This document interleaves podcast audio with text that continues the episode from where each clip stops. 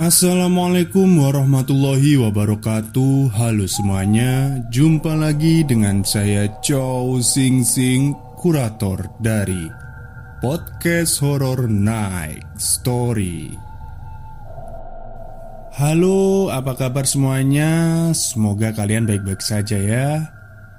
Dan seperti biasanya pada malam hari ini saya kembali dan akan membawakan sebuah kisah mistis untuk kalian semua.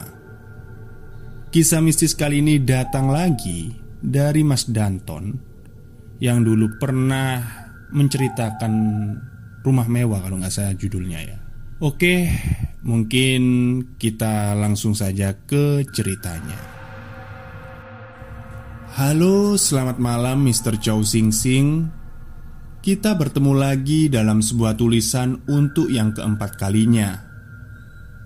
Sesuai janji saya hari ini, saya akan menceritakan sebuah pengalaman horor saya yang lain.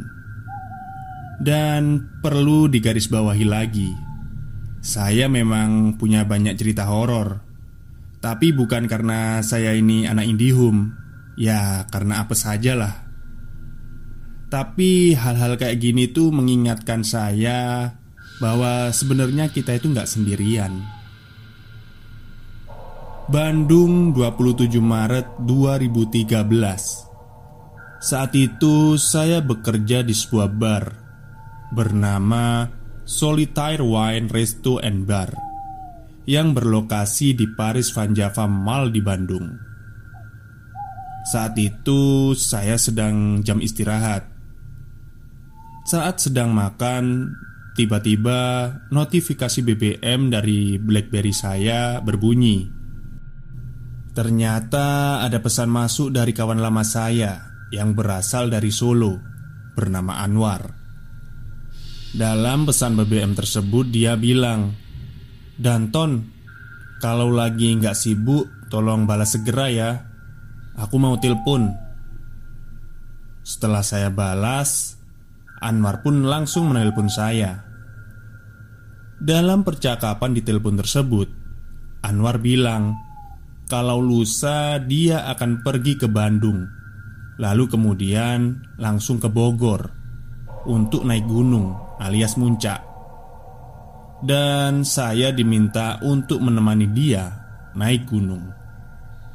Maklum, teman saya yang satu ini sangat hobi sekali naik gunung saat mendengar permintaan itu, ya saya jawab, "War, apa serunya sih naik gunung? Kayak kurang kerjaan aja." Lagi pula, desa tempat saya tinggal di Garut aja untuk mengaksesnya harus mendaki gunung dan lewati lembah. Macam lagunya Ninja Hattori aja. Jadi, apa menariknya bagi saya untuk naik gunung? Jawabku mengolok-oloknya. Namun, Anwar bersikeras untuk meminta saya ikut. Setelah saya diiming-imingi beberapa lembar uang kertas bergambar Bung Karno, dan akhirnya saya pun ikut. Saya kemarin diiming-imingi gambar Patimura nggak mau, Mas. Tiga hari kemudian, setelah saya mendapatkan izin cuti kerja, akhirnya saya menjemput Anwar di stasiun kereta api Bandung. Tadinya saya kira hanya kita berdua saja yang akan naik gunung. Ternyata dia juga mengajak satu lagi temannya bernama Juno. Ah, syukurlah. Kalau bertiga jadi nggak akan sepi-sepi amat nanti. Pikir saya waktu itu. Singkat cerita, kami bertiga pun berangkat menuju Bogor. Dalam perjalanan, saya bertanya pada Anwar, "War, emang kita mau mendaki ke gunung apa sih? Kok sampai pergi ke Bogor segala?" Loh, emangnya kemarin aku nggak bilang ya kalau kita akan muncak ke Gunung Salak? Jawab Anwar. Mendengar itu, saya kaget dan langsung berkata pada Anwar, "Mau apa kita ke sana? Apa nggak ada lagi gunung lain? That place is not for human." Nah, Saya nggak tahu artinya Kamu tahu Nenek saya aja selalu peringatin saya Untuk tidak ke sana Apa pun alasannya Oh tenang saja bro Itu hanya mitos Banyak kok yang sering muncak ke sana Lagi pula Kita sudah hampir sampai. Hehehe. Jawab Anwar yang berusaha meyakinkan saya. Jujur Saya ini adalah orang yang gak pernah sama sekali naik gunung Ataupun camping. Alhasil Saya gak tahu apa pun soal seluk-beluk mendaki. Mendirikan kemah dan berbagai hal soal mendaki gunung Yang lainnya. Apalagi soal Gunung Salak Yang terletak di Kabupaten Bogor. Ke Bogornya pun saya nggak pernah Saking cintanya saya sama kota Bandung. Singkat cerita di tempat yang saya sendiri nggak tahu apa namanya Anwar pun mendaftarkan kami bertiga Di sebuah pos penjagaan Sebelum kami naik gunung Awal perjalanan pendakian sih biasa-biasa aja. Karena menurut saya Pemandangan yang saya lihat merupakan pemandangan yang familiar Yang sering saya lihat di desa asal saya Garut.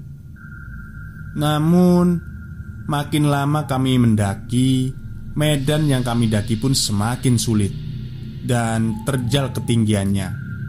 Hingga sampailah kami di suatu daerah Yang penuh dengan dedaunan Yang menurutku seperti daun pandan yang sangat luas Baru setelah itu, kami memasuki hutan belantara yang sangat lebat. Salah langkah sedikit saja, jurang yang curam sudah menanti. Itu membuat nyali saya ciut. Sungguh, medan pendakian yang sangat berat bagi saya. Apalagi saya baru pertama kali mendaki. War, apa kamu pernah ke sini sebelumnya? Tanya saya waktu itu Belumlah Ini justru yang pertama Jawab dia Lah Terus kalau kita nanti kesasar gimana War? Kemudian Anwar bilang Tenang aja Kamu lihat jalan setapak ini? Ini artinya Sering ada orang yang melewati jalur ini. Jadi Kalau kita kesasar Ya ikuti jalan ini aja. Jadi nggak bakal kesasar lah. Jawabnya santai. Hari pun mulai sore. Udara dingin pun langsung sangat terasa menembus jaket. Kabut tebal pun mulai turun dari atas gunung Suara serangga yang awalnya ramai terdengar di sepanjang pendakian Mendadak menjadi sunyi senyap dan jarak pandang kami pun menjadi sangat terbatas. Awalnya saya panik dengan kejadian itu. Namun Anwar bilang bila kabut seperti ini sering terjadi apabila kita naik gunung. Jadi hal ini adalah hal yang biasa, kata Anwar. Karena jarak pandang kami yang sangat terbatas itu, kami bertiga memutuskan untuk menunda dan mendirikan kemah di daerah yang landai itu. Kami pun mendirikan kemah di sepetak tanah yang agak sedikit lapang, yang dikelilingi oleh tiga pohon besar di sekitar kemah kami. Di sana, kami masak mie dan membuat kopi, sekedar untuk menghangatkan badan sambil berlindung dari pekatnya kabut. Dan berhubung sebentar lagi sore dan akan berganti malam, kami pun memutuskan untuk bermalam saja di sana. Udara gunung yang dingin membuat kami terlelap dalam tidur, hingga kami pun terbangun karena mendengarkan suara berisik dan sayup-sayup suara musik gamelan khas Sunda, dan itu berasal dari luar tenda kami. Saat itu waktu menunjukkan pukul 9 malam di jam tangan Casio saya. Ah, apa suara berisik seperti ini juga sesuatu hal yang wajar ketika di gunung? Tanya saya pada Anwar Anwar hanya diam tak menjawab Jujur Saat itu kami dilanda ketakutan yang hebat. Namun Rasa penasaran kami pun timbul Dan mengalahkan rasa takut kami. Hingga akhirnya Kami bertiga memutuskan untuk mengecek suara gamelan tersebut. Saat kami keluar dari tenda, kabut yang tadinya sangat tebal sudah menghilang. Kami pun berjalan ke arah atas untuk mengecek sumber suara gamelan tersebut. Hingga sampailah kami di sebuah lapangan yang cukup luas dan ramai sekali dengan orang-orang yang hilir mudik di sana, dan banyak sekali orang-orang yang berjualan. Awalnya Anwar ketakutan dan mengajak kami untuk turun lagi ke bawah menuju tenda. Namun, kali ini saya menenangkan dia. "Tenang, Bro. Kebanyakan etnis Sunda itu ada yang bermukim di dataran tinggi, seperti bukit atau pegunungan. Jadi, mungkin saja di sekitar sini memang ada kampung penduduk dan lagi ada hajatan atau semacam pasar malam Kataku sambil menepuk pundak Anwar yang sedang ketakutan Setelah Anwar mulai tenang Akhirnya kami pun keliling-keliling pasar Sambil cari-cari makanan lah Oh iya Suasana pasar malam itu sungguh unik di mana penerangannya hanya berasal dari obor bambu saja dan semua orang di sana mengenakan baju-baju zaman dulu. Para perempuan mengenakan kebaya, sedangkan laki-lakinya memakai baju pangsi dan diikat di kepala. Pakaian hitam khas Sunda. Wah, pokoknya pemandangan yang keren sekali menurut saya.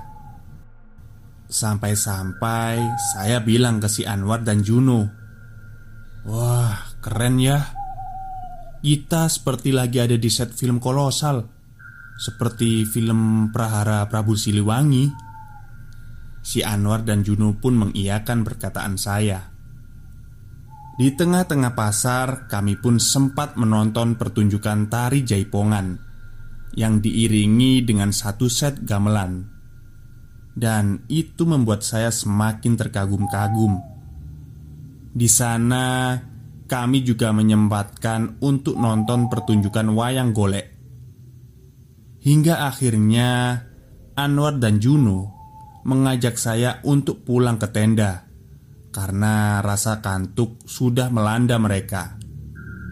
Sebelum pulang, kami bertiga pun membeli ubi bakar, singkong bakar, dan jagung bakar untuk bekal dan untuk dimakan saat itu juga.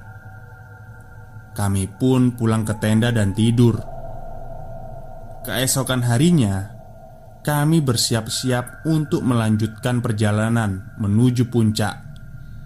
Dan sebagai sarapan pagi kami, kami makan ubi, jagung, dan singkong yang kami beli semalam. Saat kami makan, ada rombongan pendaki lain yang melewati kami. Kami pun saling sapa dan berkenalan satu sama lain. Di sela-sela obrolan, si Anwar bilang ke mereka, "Di sini seru ya. Semalam ada pasar malam di atas sana." Mendengar perkataan Anwar, mereka jadi bingung, dan salah satu dari mereka bilang, "Di atas gunung dengan hutan lebat seperti ini, mana ada pasar malam, Mas?" Jangankan pasar malam Pemukiman penduduk pun mana ada Lagi pula Saya sudah tiga kali naik gunung ini Tapi nggak ada apa-apa tuh Mendengar perkataan dari orang itu Kami bertiga pun bersikeras Kalau semalam di sini memang ada pasar malam Dan banyak sekali orang Bahkan kami pun sempat membeli beberapa makanan dari pasar malam itu. Saya pun menunjukkan ubi jagung dan singkong bakar yang masih ada di tangan. Akhirnya, kita semua sepakat untuk mengecek ke tempat yang kami ceritakan, dan sesampainya di sana, kami semua tidak bisa berkata-kata lagi.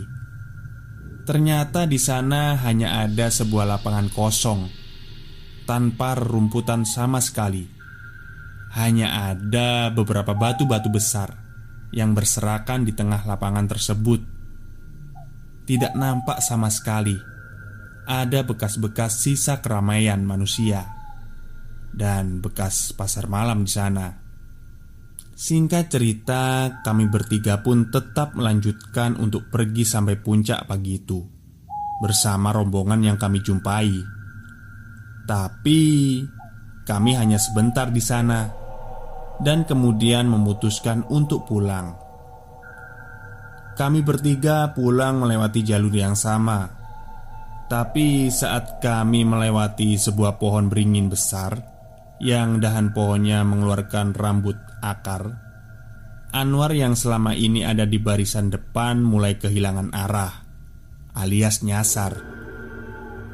Perasaan kita nggak lewat jalur ini deh kemarin Dan nggak ngelewati pohon beringin yang sebesar ini Kata Anwar Jalan setapak yang tadinya ada Ketika kami dalam perjalanan naik pun menghilang Di tengah kebingungan akhirnya Kami bertiga beristirahat Di sela-sela akar pohon beringin tua itu sambil mencari cara untuk kembali ke jalur pulang tanpa harus nyasar.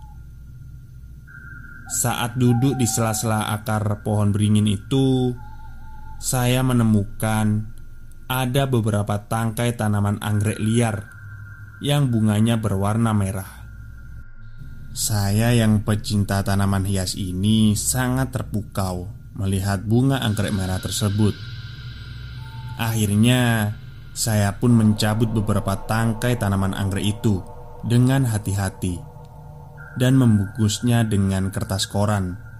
Lalu, saya masukkan ke tas untuk saya tanam di rumah. Setelah beristirahat, kami pun melanjutkan lagi perjalanan pulang dengan menebak-nebak jalur turun untuk pulang. Beruntung, saat itu kami bertemu dengan rombongan pendaki yang hendak turun juga, dan akhirnya kami memutuskan untuk pergi bersama-sama. Tiga jam sudah kami berjalan, tapi kami tak kunjung sampai di salah satu pos pendakian. Saya yang saat itu sudah kelelahan, tak sengaja melihat ke arah kiri jalan saya menepuk pundak Anwar sambil berkata, "War, itu bukannya pohon beringin tempat kita duduk tadi ya?" "Ah, mana mungkin.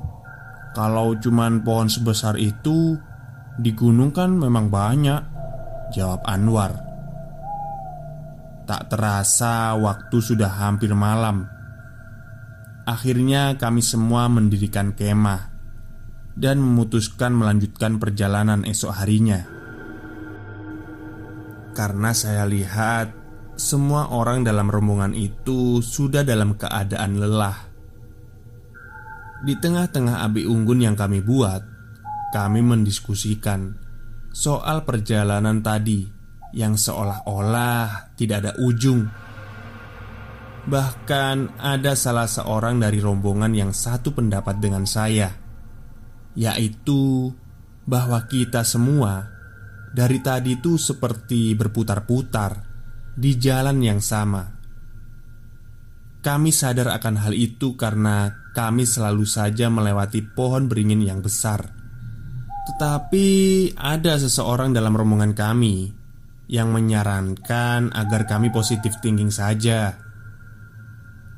Akhirnya, besoknya kami melanjutkan perjalanan. Namun, jalan pulang tak kunjung kami dapatkan.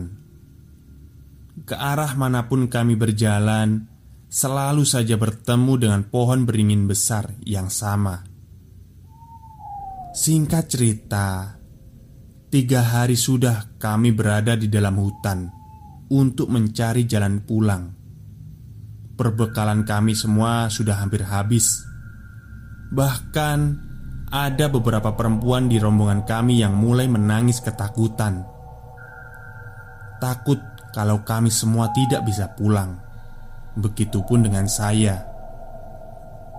Di hari keempat, kami mendiskusikan semuanya dan mencari penyebab. Siapa tahu kalau ada salah satu dari kami yang sudah berbuat tidak sopan di gunung tersebut. Akhirnya, salah satu dari rombongan kami yang perempuan ada yang bilang kalau sebelumnya dia pernah mengganti pembalutnya dan membuangnya di salah satu pohon. Dan saya pun juga bilang kalau di tas saya ada beberapa tangkai tanaman anggrek merah yang saya petik di salah satu pohon. Mendengar hal tersebut, kami pun sepakat untuk mengembalikan tanaman anggrek merah yang saya ambil di salah satu pohon beringin besar. Dan wanita itu juga mengambil kembali pembalut yang sempat dibuang di salah satu pohon beringin itu. Dan uniknya, ternyata pembalut tersebut dibuang di bawah akar pohon beringin yang sama dengan saya. Dan ternyata rombongan mereka juga sudah nyasar satu hari sebelumnya. Sebelum akhirnya kami juga nyasar dan bertemu dengan rombongan mereka.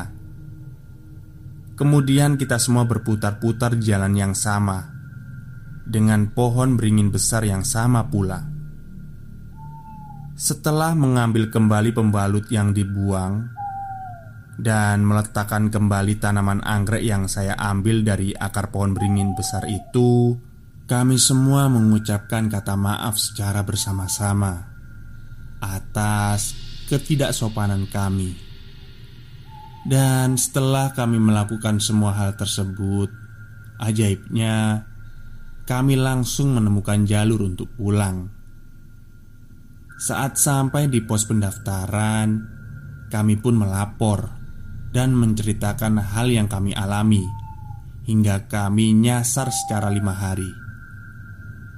Tapi Bapak-bapak penjaga pos tersebut malah tertawa dan bilang, "Dek, kalian semua ini menurut daftar yang saya pegang mendaki pada tanggal 1 April. Dan sekarang kalian pulang hari ini ya. Ini tanggal 2 April. Jadi jangan bohong sama orang tua, Pak Mali." Saya, Juno, dan Anwar hanya bengong keheranan mendengar kata-kata bapak penjaga pos tersebut. Sekian cerita pengalaman pendakian pertama saya di Gunung Salak. Kalau diajak lagi, kayaknya saya nggak akan mau. Terima kasih kepada Mr. Chow Sing Sing yang sudah membacakan cerita saya sebelumnya. Dan bila saya boleh request Tolong bacakan cerita saya yang satu ini dengan backsound burung hantu Yang kemarin Terima kasih saya Danton AXL Baik, terima kasih kepada Mas Danton atas kiriman ceritanya ya Tentang gunung Dan memang kalau di gunung itu kita harus menjaga kesopanan, terus kebersihan juga. Apalagi kalau cewek-cewek ya, kalau membuang apa barang yang bersayap itu jangan sembarangan gitu loh. Ditaruh di plastik terus nanti dibuang pas turun, kan enak. Karena gunung itu memang tempat yang sakral gitu loh. Jadi jangan sembarangan lah kalau di gunung intinya Apalagi memetik barang-barang yang menurut saya itu apa ya Ilegal mungkin ya Kalau kayak anggrek gitu ya Ya janganlah, pokoknya jangan sembarangan gitu aja. Dan uh, sebenarnya dalam naskah ini banyak ya, banyak ada perkataan bahasa Inggris. Cuman tidak saya sebutkan karena bahasa Inggris saya jelek, takutnya mengganggu. Jadi mungkin itu saja ya cerita pada malam hari ini. Semoga kalian semua terhibur. Selamat malam dan selamat beristirahat.